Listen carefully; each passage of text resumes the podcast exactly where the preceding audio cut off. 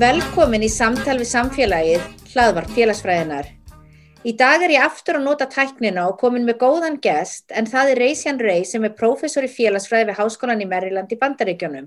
En hann stýri líka rannsóknarstofu fyrir hagnýttar félagsvístarrannsóknir við sama skóla. Þetta árið hefur hann einni verið með rannsóknarstöðustyrk við The Brookings Institute sem David M. Robenstein Fellow í rannsóknum á stjórnafari.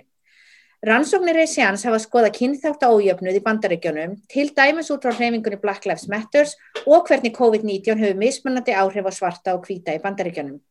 Reysjan hefur byrkt rannsóknir sínar í mörgum virtustu tímaritum félagsfræðinar en hann hefur líka verið ábyrrandi í fjölmila umræðu um kynþátt ájöfnuð í bandaríkjónum og verið viðtölum og umræðu þáttum helstu fjölmila þar. Ég skipti nú yfir á ennsku. Welcome to the podcast Reysjan and thanks for being with us today. Thank you for having me, Sigrid. I, I'm really, really excited about this conversation with you. I am excited too, and I wish it was really great when you came and told us about your research in Iceland a few years back, and hopefully you will return. But in the meantime, we'll get a little bit of insights in the podcast. Oh, I mean, I, I cannot wait. I mean, that that visit was one of the the best of my life, so I appreciate and thank you for that. It was a highlight. Um, interestingly, I was actually watching um, a segment that uh, that the news ran on that particular presentation. I mean, the the com- the, the questions were great, um, the insights were great, and you know, being able to bring my family and have them experience everything that Iceland had to offer, it was phenomenal.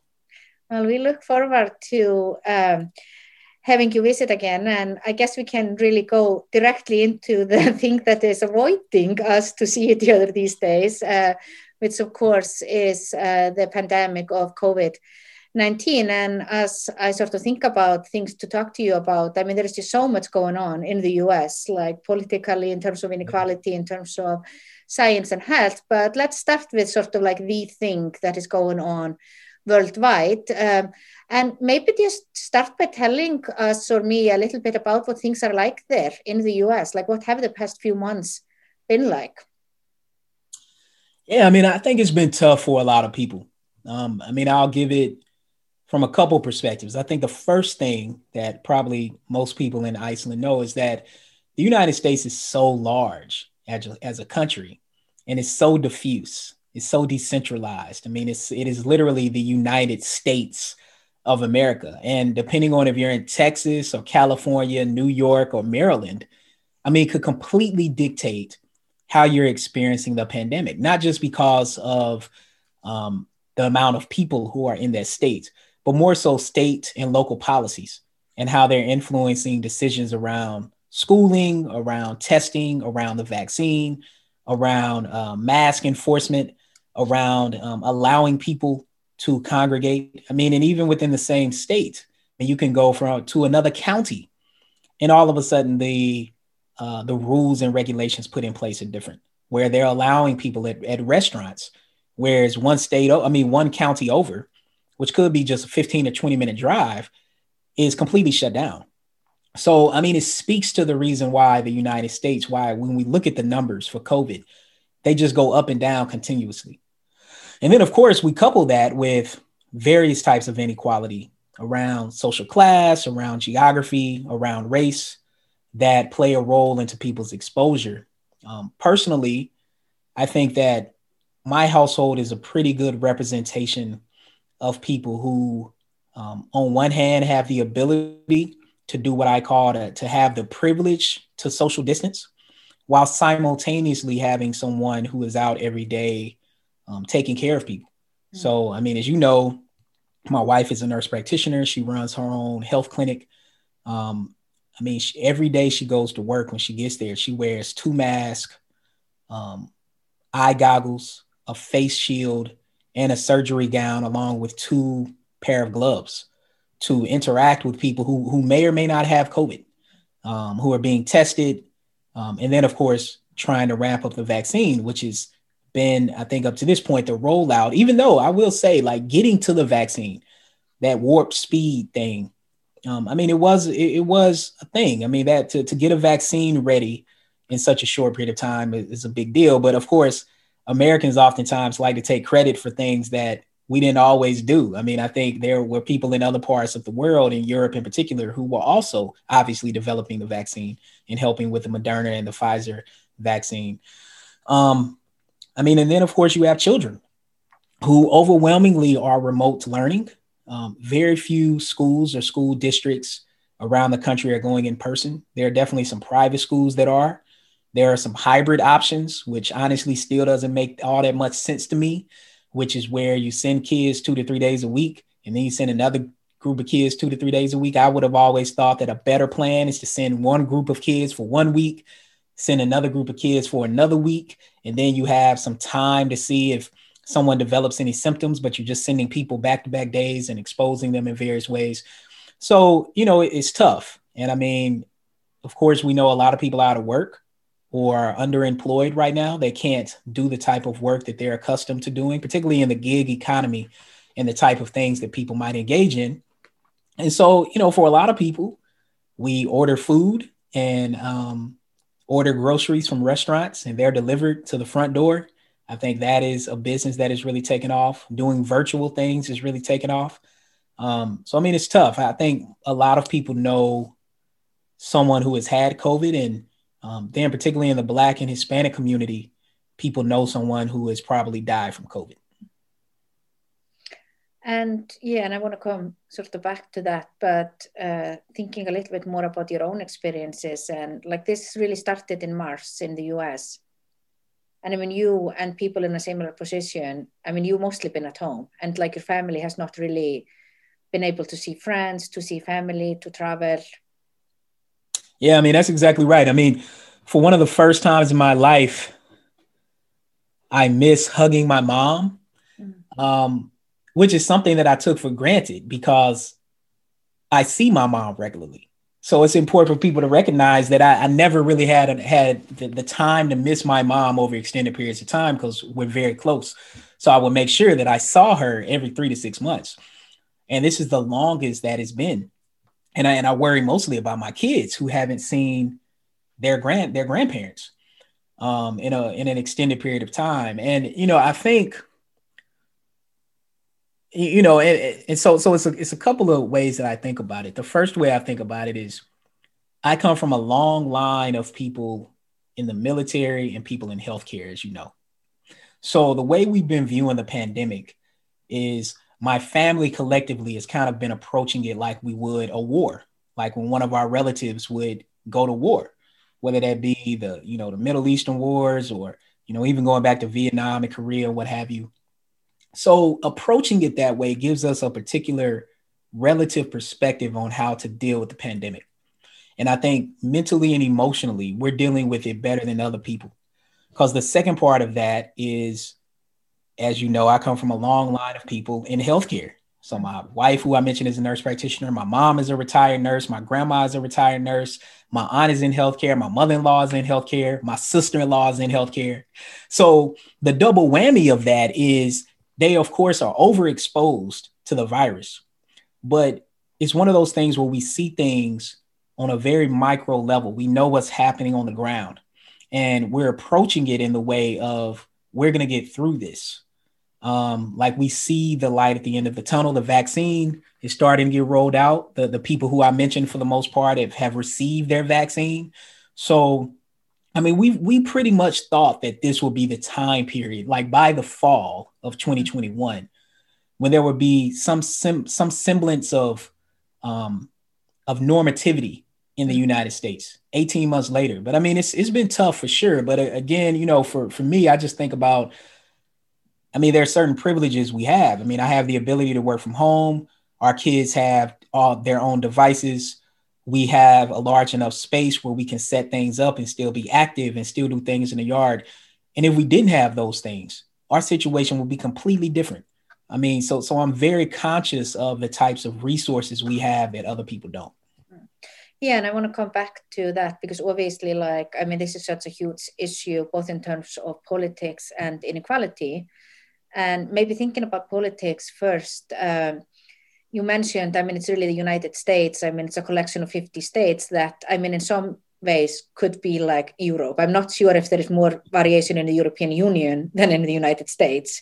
Uh-huh. Um, so, and it also seems like the responses and even like how sort of serious the pandemic has been has gone along political line of maybe the red and blue states um, and sort of if you could speak to that a little bit of how you see that being um, sort of a issue in terms of like the republicans versus the democrats uh, both in terms of policy but also in terms of the consequences for the states in terms of uh, where they fall politically.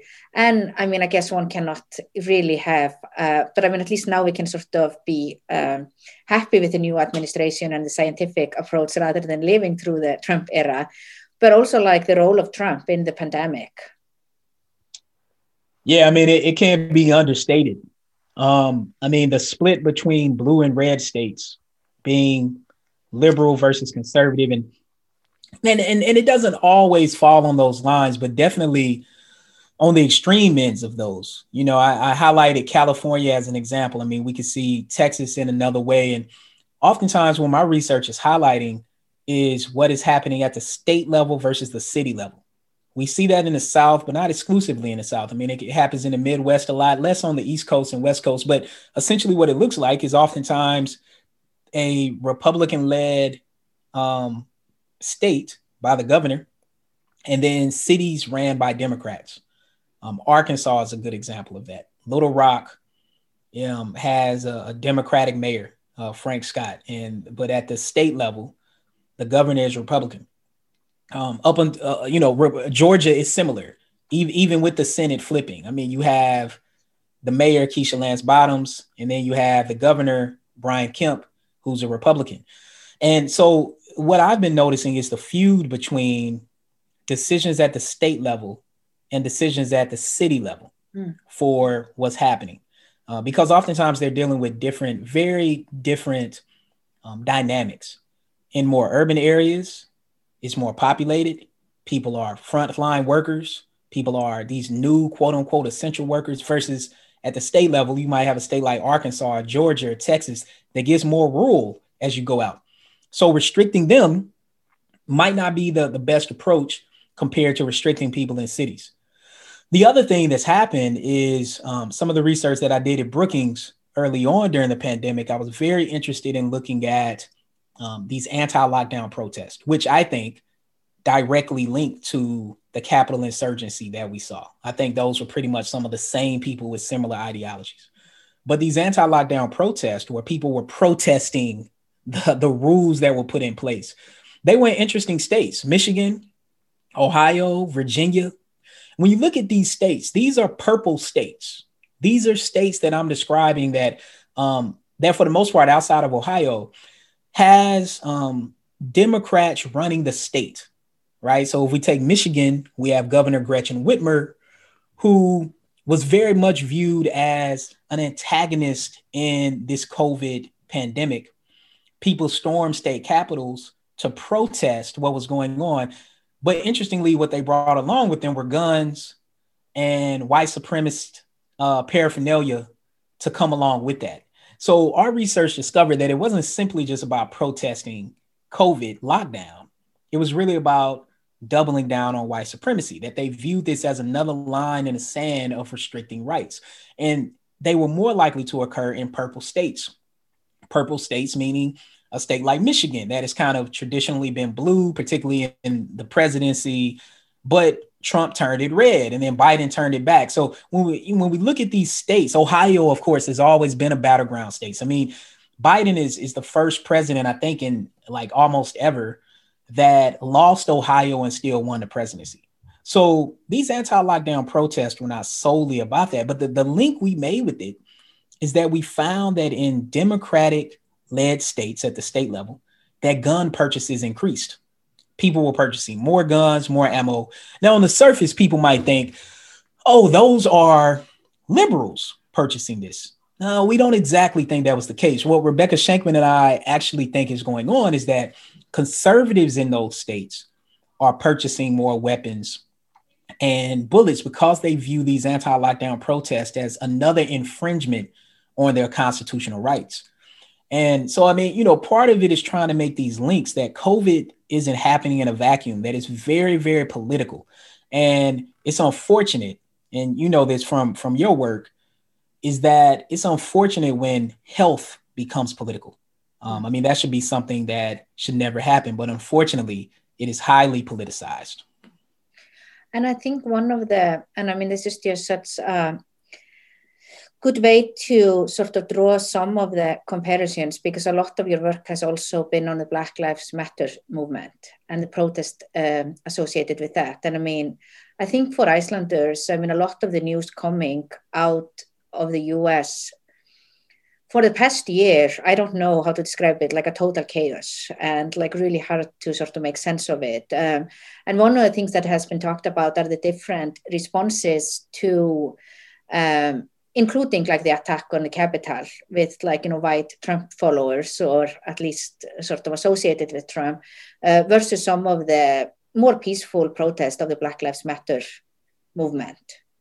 Um, have you done sort of any like thoughts on that or comparisons? Yeah, most definitely. So the biggest takeaway is, and you just highlighted highlighted it.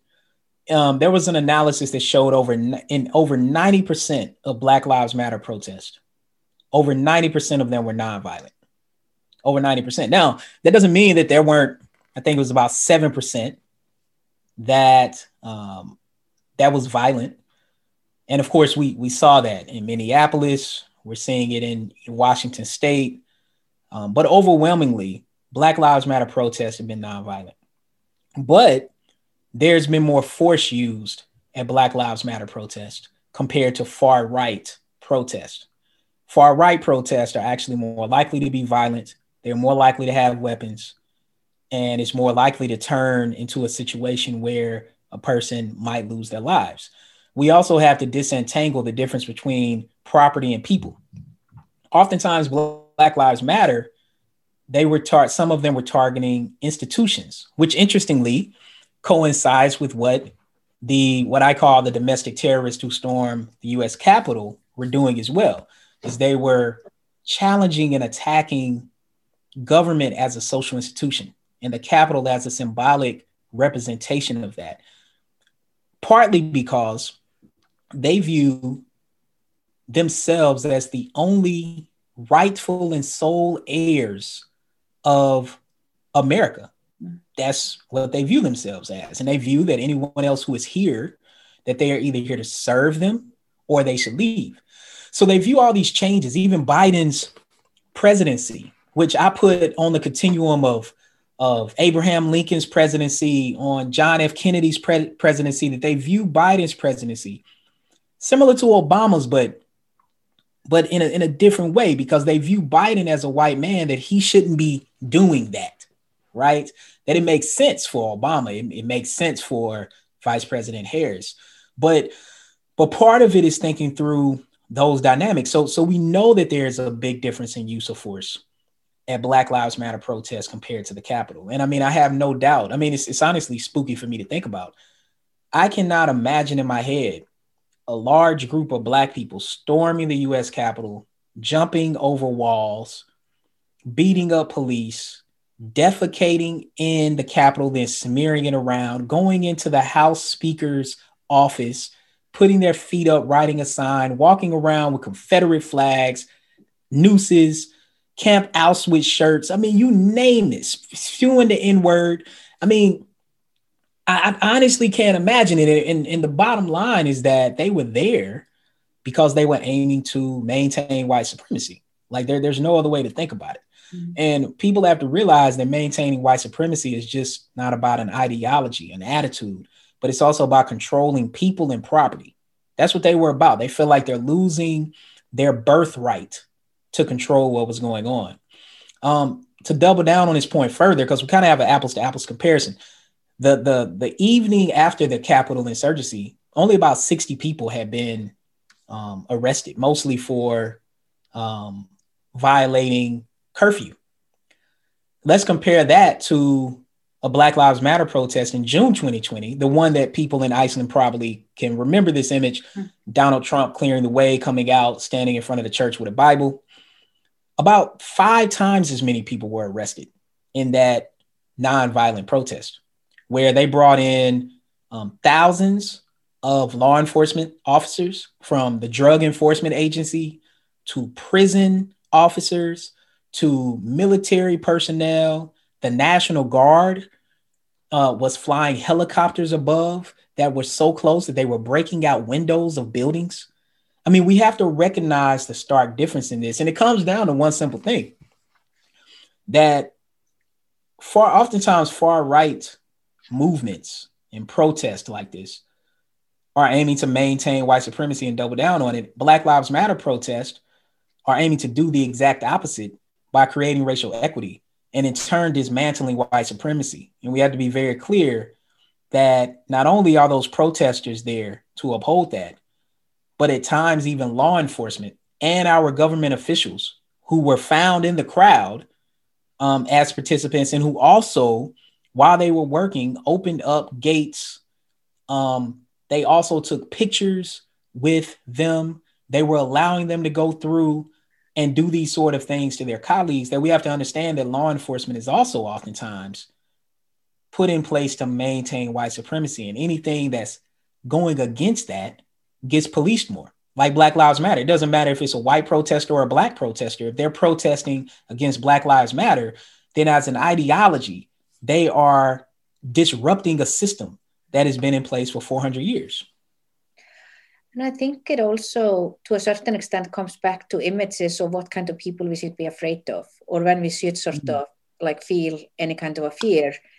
And I mean, I think for someone like an Icelander, I mean, I was much more scared seeing the photos from uh, Capitol Hill and like the actions that were going on there than from many of the photos uh, that I've seen from Black Lives Matters.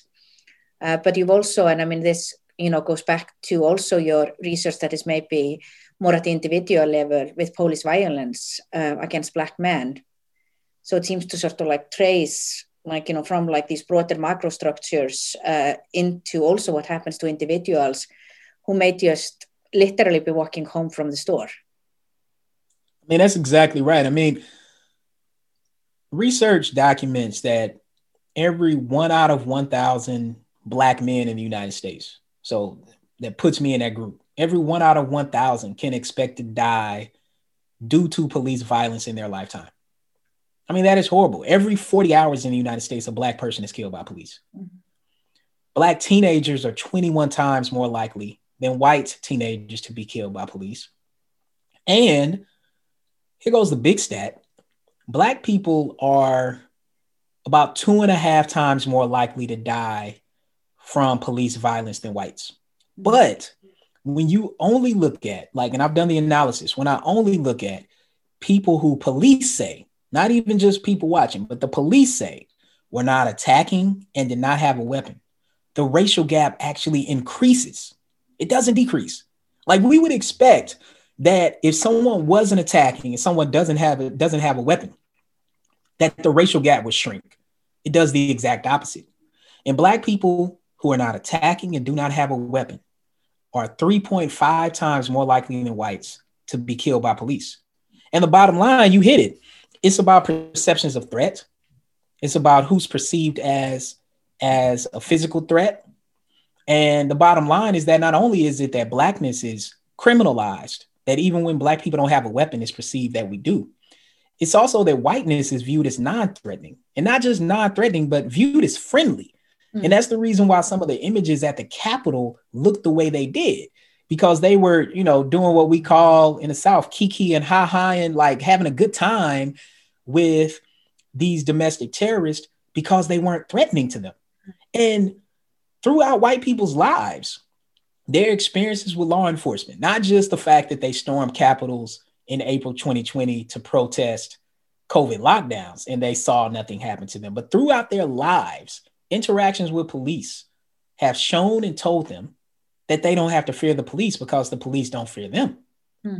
So it's not just that it's not threatening, it's actually friendly. Like we see very different outcomes. Like one of the images that just, I mean, it it it it, it did something to me that I'm, I'm still trying to process. But the best way I can describe it, it was a Capitol police officer helping a woman down the steps of the Capitol after she had just participated in tearing up a sacred place. Mm. And I thought to myself, hmm, if that was my mom or grandma, would they be getting help down the steps? Probably not. Mm, probably not. Like that speaks to the heart of what we're talking about. And I think, and I sort of, and you have been studying this pretty much from the beginning of like these highly publicized uh, stories or stories or events of police violence. Um, and I think obviously all of us know that um, it's not a new thing that Black people are being killed by the police. I mean, I think what we've been seeing in the past five or 10 years is that we are actually paying attention to it. So, can you tell me maybe a little bit about how you started to study this and what your research has particularly found? And also, kind of interesting, um, I think both the broader processes of like what this means and what this is telling us about race in America, but also thinking about like how I think a lot of how this originally sort of became like public knowledge or like we started to see it was through social media and sort of yeah, most definitely. Like, the history of like why like why this the particular cases that became so public and there was so much outrage about become like those cases yeah i mean social media played a big role i mean for me i, I got to this space because i i've never re- I, I was never really that interested in policing it wasn't that I wasn't interested. I just wasn't as interested. I mean, I was more so interested in thinking about racial differences in social class and in family and things of that nature. And then when I was at Berkeley, I was doing a, a Robert Wood Johnson health policy postdoc, and I was studying physical activity. And I wanted to know the way people were using public space and the way that was different by race. And I had a, a finding that continues to be a key finding for me, which is that middle class Black men were significantly less likely to be physically active in predominantly white neighborhoods. Mm. They were the only group where that happened, right? Um, I mean, I, I, could also suspect now it might also carry over for Black women to a certain extent based on the rise of the Black Lives Matter movement, but it was acute for Black men. What I noticed is that Black men were criminalized in those spaces. Neighbors would call the police on them, they would watch them, they would follow them, they would, you know, shut their doors, lock their doors. They would walk across the street. And it just led to black men being in those spaces being less likely to be physically active because many of them, through their educational pursuits, had been in spaces like that. And, and I had as well. And, you know, like you know, from where we went to grad school at in Bloomington, Indiana. And, you know, there will be a series of incidents that are spillovers and collective memories of mistrust of a space. That led me to looking at the way law enforcement interacts with people and that led me to simultaneously in 2012, when Trayvon Martin was killed by George Zimmerman, a very um, unfortunate but representative example of what I'm describing in a predominantly white area.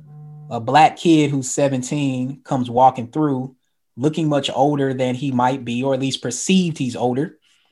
The same thing they said about Tamir Rice, who was 12. You know, that's the interesting thing about blackness. You're viewed as older, and then when you get older, when you hit 40, you're viewed as younger. Mm-hmm. So the normal window by, by which maleness plays a role in police violence, it increases for black boys and black men, where it's not just 18 to 30. It now goes from like 12 to 50, mm. you know, and it continues the exposure because of perceptions of age and physicality.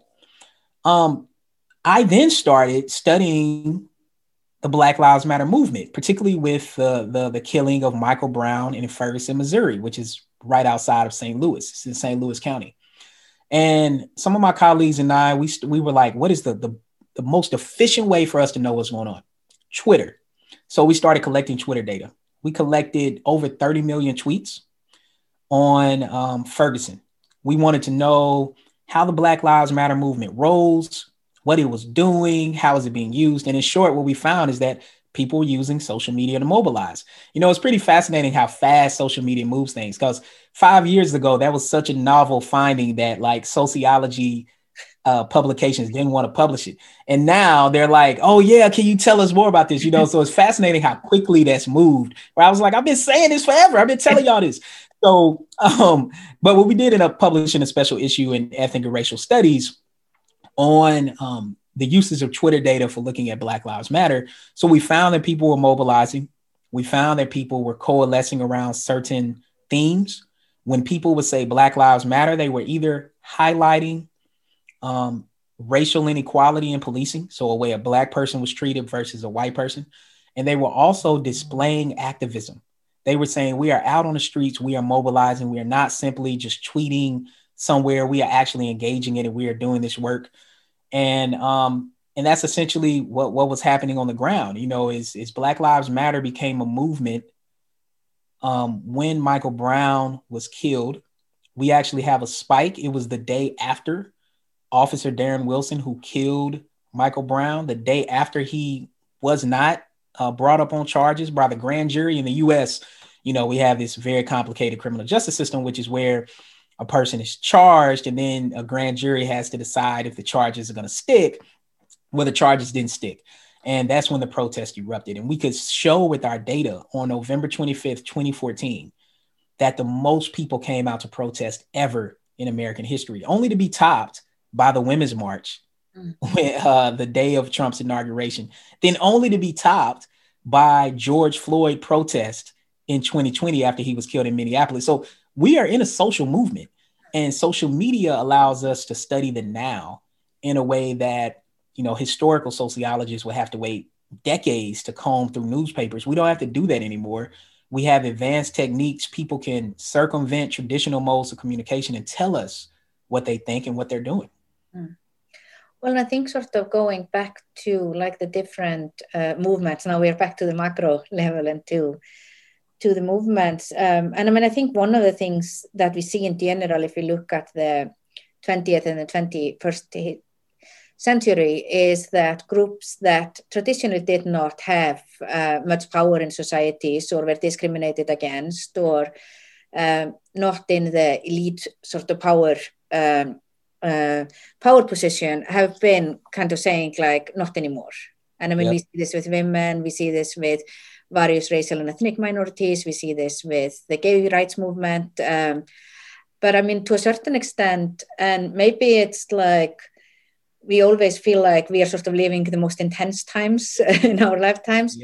But I mean, it seems to be particularly like intense at the moment. Um, maybe particularly in the US, but I think it's also we're seeing this in Europe, yeah. and particularly like maybe this sort of old world, if we can talk about it like that. I mean, this kind of group of people that used to have the most power and privilege in society are wanting to maintain something that and i think it's really interesting that you said earlier like it's their birthright yep so how would you sort of explain like where like these like is it just so like deep into like trying to figure out like the right word here? But i mean part of me is just like you know what really is going on? Like why does things like this happen? And like what is yeah. like what are these people thinking? Like how do they come to the conclusion that it's their world and not the world of all of us? Yeah i mean that's a great question. I mean i i think that in that in some regards they've been told and shown that. You know the, the thing about whiteness similar to maleness is that both of those constructs are symbolic in the sense that you don't have to do anything to embody it right? Yeah. so when you have certain privileges that you don't have to do anything to have when they're taken away you notice it because for most people they enjoy those privileges so part of what's happened uh, around the world and you mentioned this i mean in europe it's happening in asia even in, in africa particularly in countries that have been that have a um, a colonized history is that you're seeing far right extremism increase. And uh, and it's mostly white men. It's, it's not always, but it's, it's mostly white men. Um, and part of it is because they their privilege is centered on both of those constructs.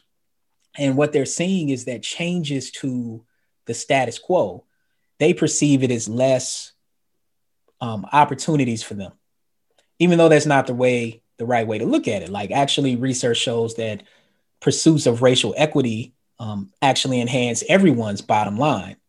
But they view it as their birthright again because they've been showed and told, uh, showed and told that this is what's going on. And the way I think about it is that there's research by Arlie Hochschild. Her work is really good in highlighting this. Um, Jessie Daniels, who is a professor up in New York, I mean, that what their work highlights is that people viewed Obama, for example, as a representative of what America would never be again, which is theirs. Mm. Like they literally, they, they're like America. And then, of course, even in Europe, these countries were founded for us, for people who look like us, people who act like us, people who think like us. And, and we simply need history to tell us this about what's happening in this moment. And I'm, I'm liking the response that we're having right now because meaning that we're having the, as a country and even in a global context. Because in the US, let's go back to um, the Civil War. The Civil War in the United States was all about slavery. It was about economic power. Like people who say it's not about slavery, they're fooling themselves. It's completely about slavery. It's about the ability to have free labor. We go to the civil rights movement. We saw the most. Oh, oh hold on. Let me backtrack to civil right to the Civil War, because even after the Civil War ended and slavery ended, we had the most racial progress from the late 1860s through the early 1870s.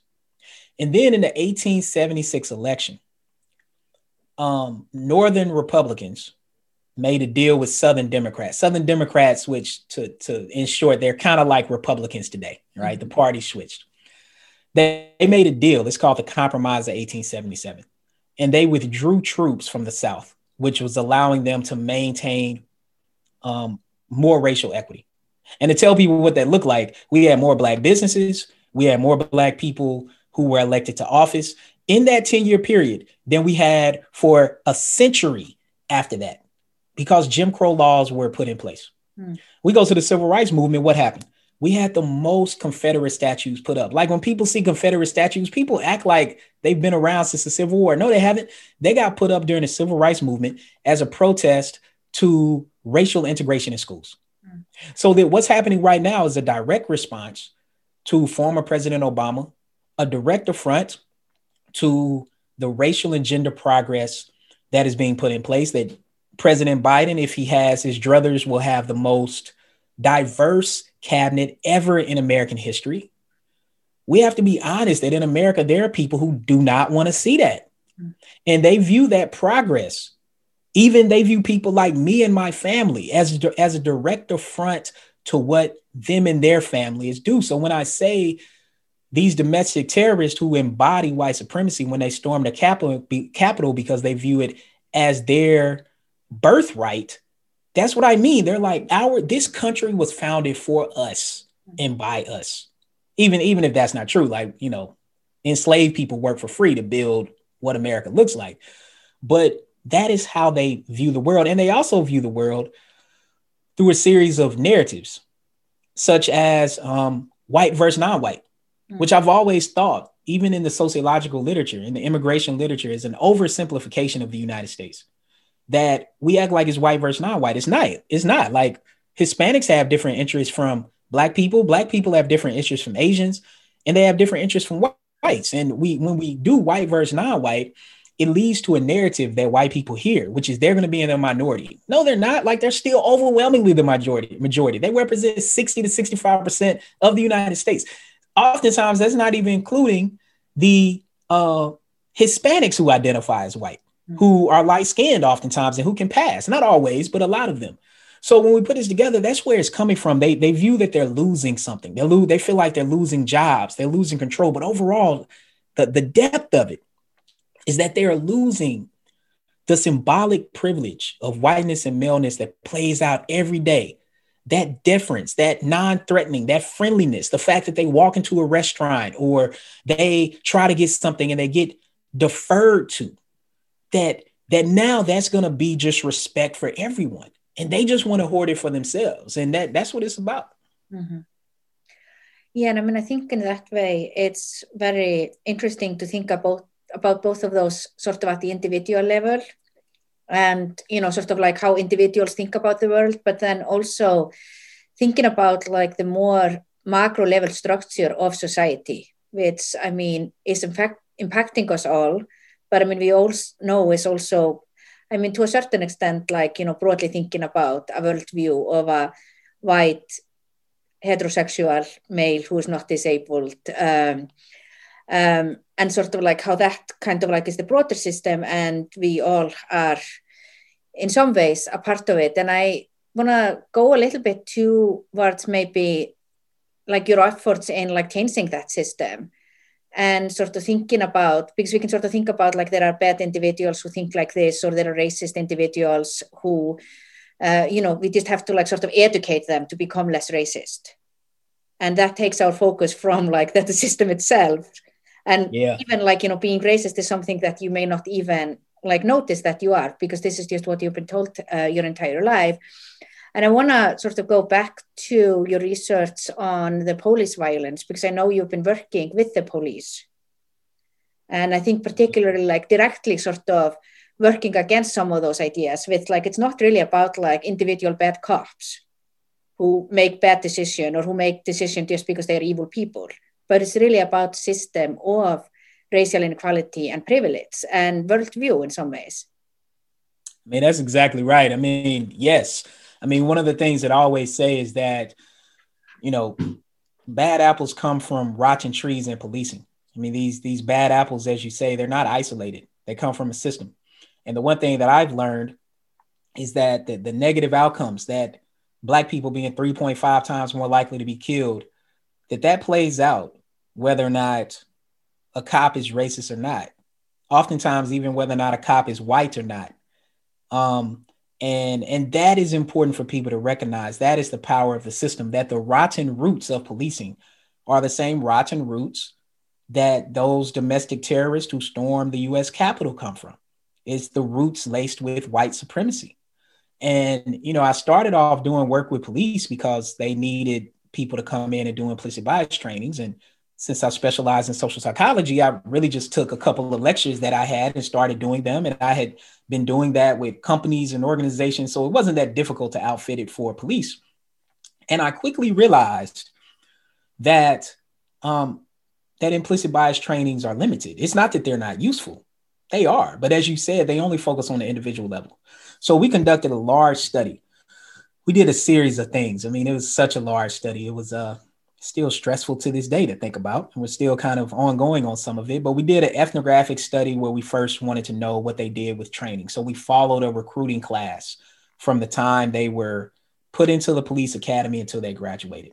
We then conducted implicit bias trainings with thousands of officers and we surveyed them on their explicit attitudes, their implicit attitudes, and a host of things.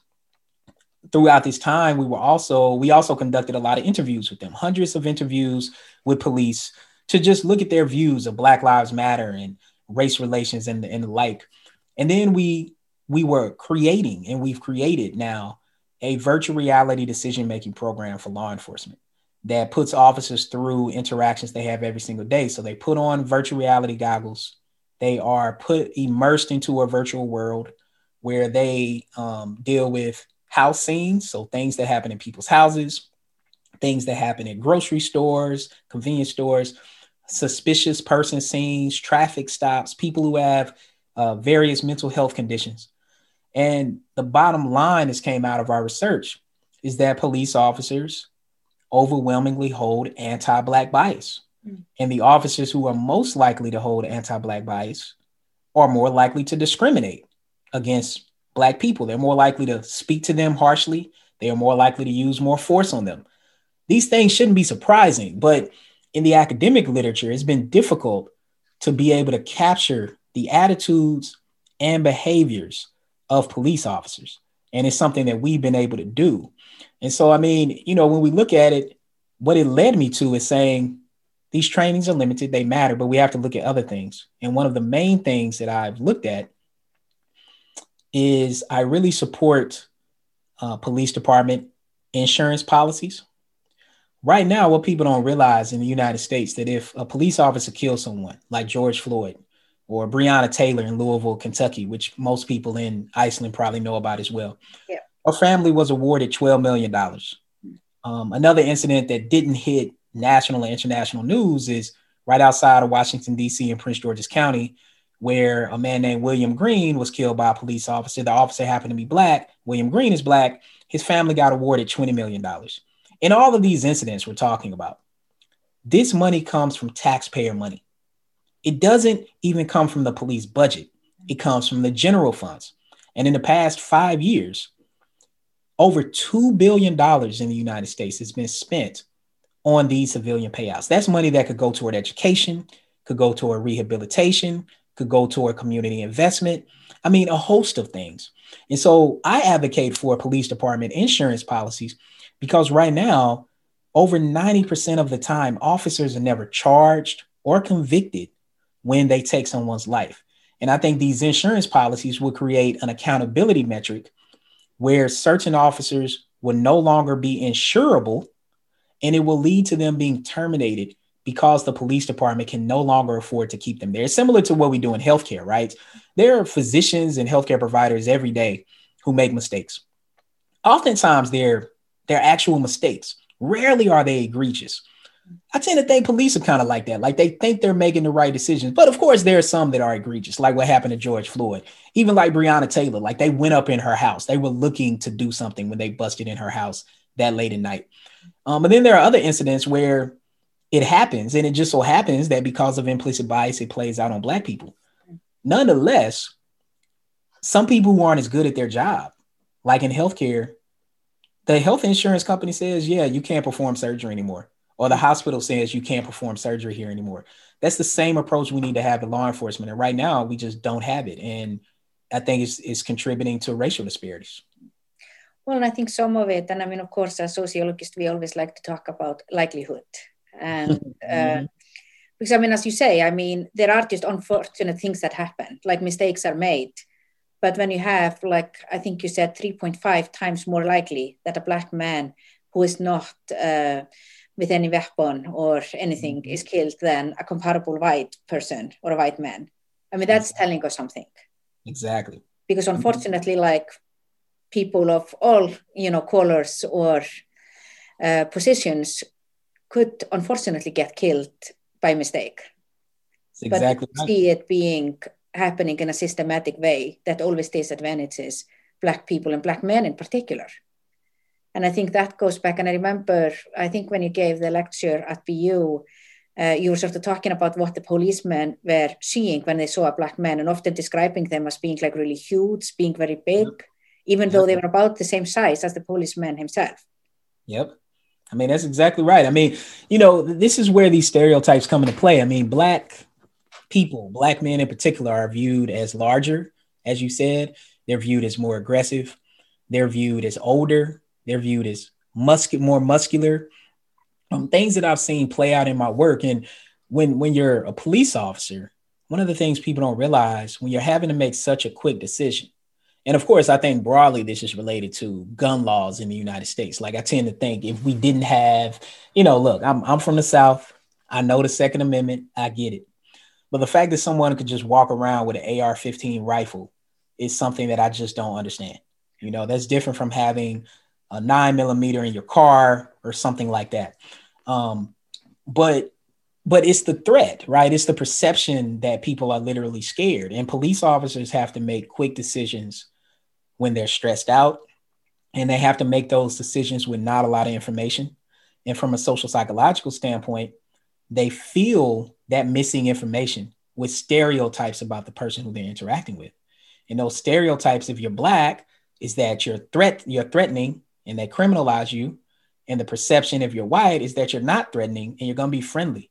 And you know, some of that has gotten police officers hurt as well. I mean, I, you know, since I study this, I see a lot of interactions where police roll up on white people and they do it casually because they don't think they're threatening and something happens you know they get shot or the person runs away or something like that and so you know i, I definitely think these stereotypes play a huge role and, and stereotypes go on steroids during police encounters again because they have to make a quick decision they're stressed out and they don't have a lot of information.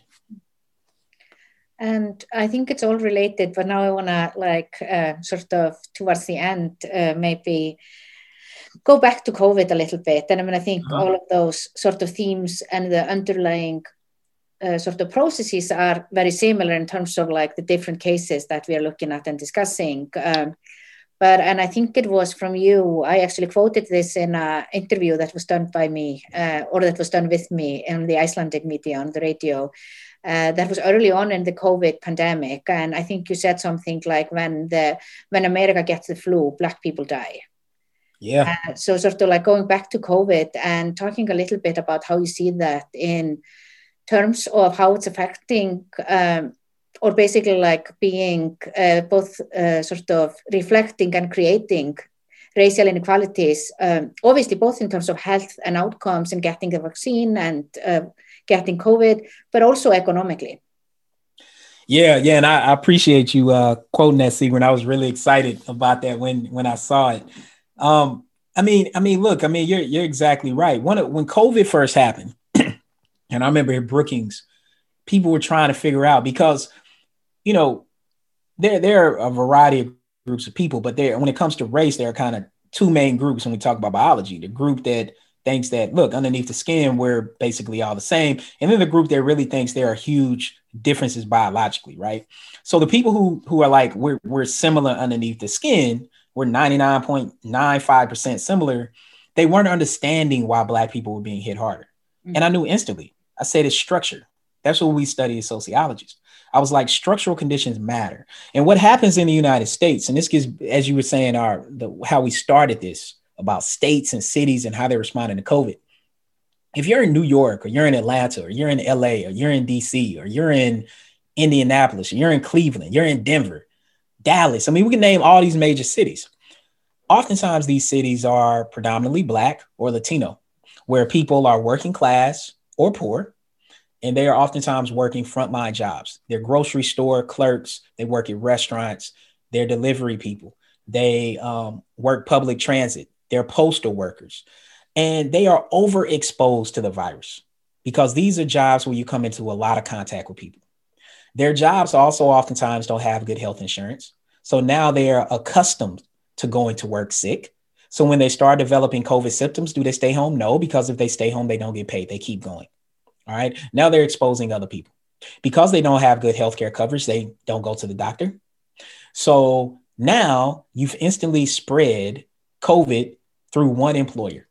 Then these people go home or they have to get home. And oftentimes they don't have vehicles. so they have to take public transportation. Public transportation, mind you, that when COVID hit, like in New York, they restricted the uh, the number of times that the subway and the buses would run. Initially, they thought that was a good idea until they started realizing that most people don't live like me. So they had to take public transit. They couldn't stay at home. And what that meant is now you have the train running once an hour, and all those people who normally go to work are on that one train, just exposing COVID to, to, to everyone. Then they go home to their neighborhood. Their neighborhood is densely populated.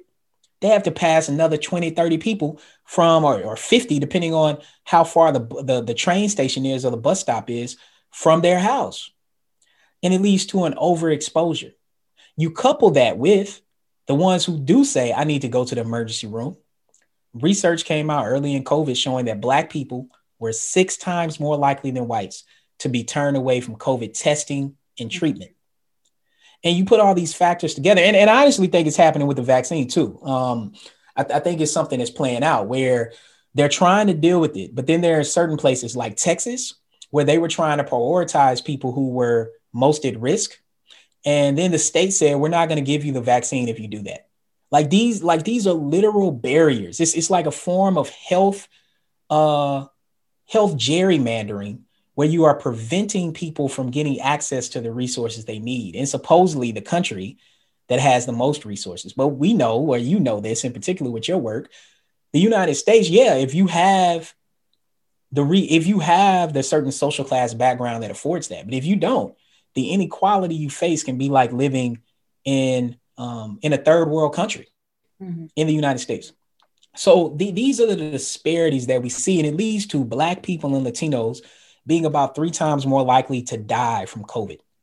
And when you look at policing and you look at health and you see that black people are three times more likely to die from COVID and die from police violence, is the reason why we saw 2020 look like it did. Because for one of the first times, people, including white people, were able to make the connections. You know, people aren't good at making institutional connections across across like say criminal justice and healthcare. It's difficult for people to do that because they, they, they don't live in those spaces, right? They can't take a bird's eye view, but it happened. And I do think that um, that there are a lot of people, including white people, who who want to change it, who want to do something about it. I think that's already started. I think they viewed electing Joe Biden and Kamala Harris as part of it. I think they viewed helping to flip the Senate part of it. I think they view holding uh, Biden accountable. I think they view holding their city council and their state legislatures accountable. I think this is a pivotal moment where we've had a racial awakening similar to the 1960s.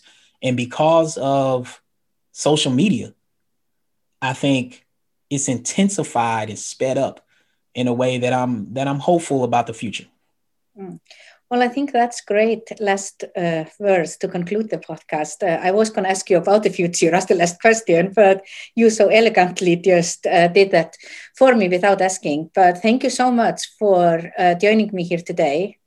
It was a well, pleasure, as always, discussing with you. I and, always enjoy talking to you.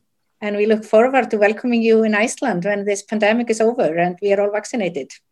I'm, I'm excited about it. I look forward to it.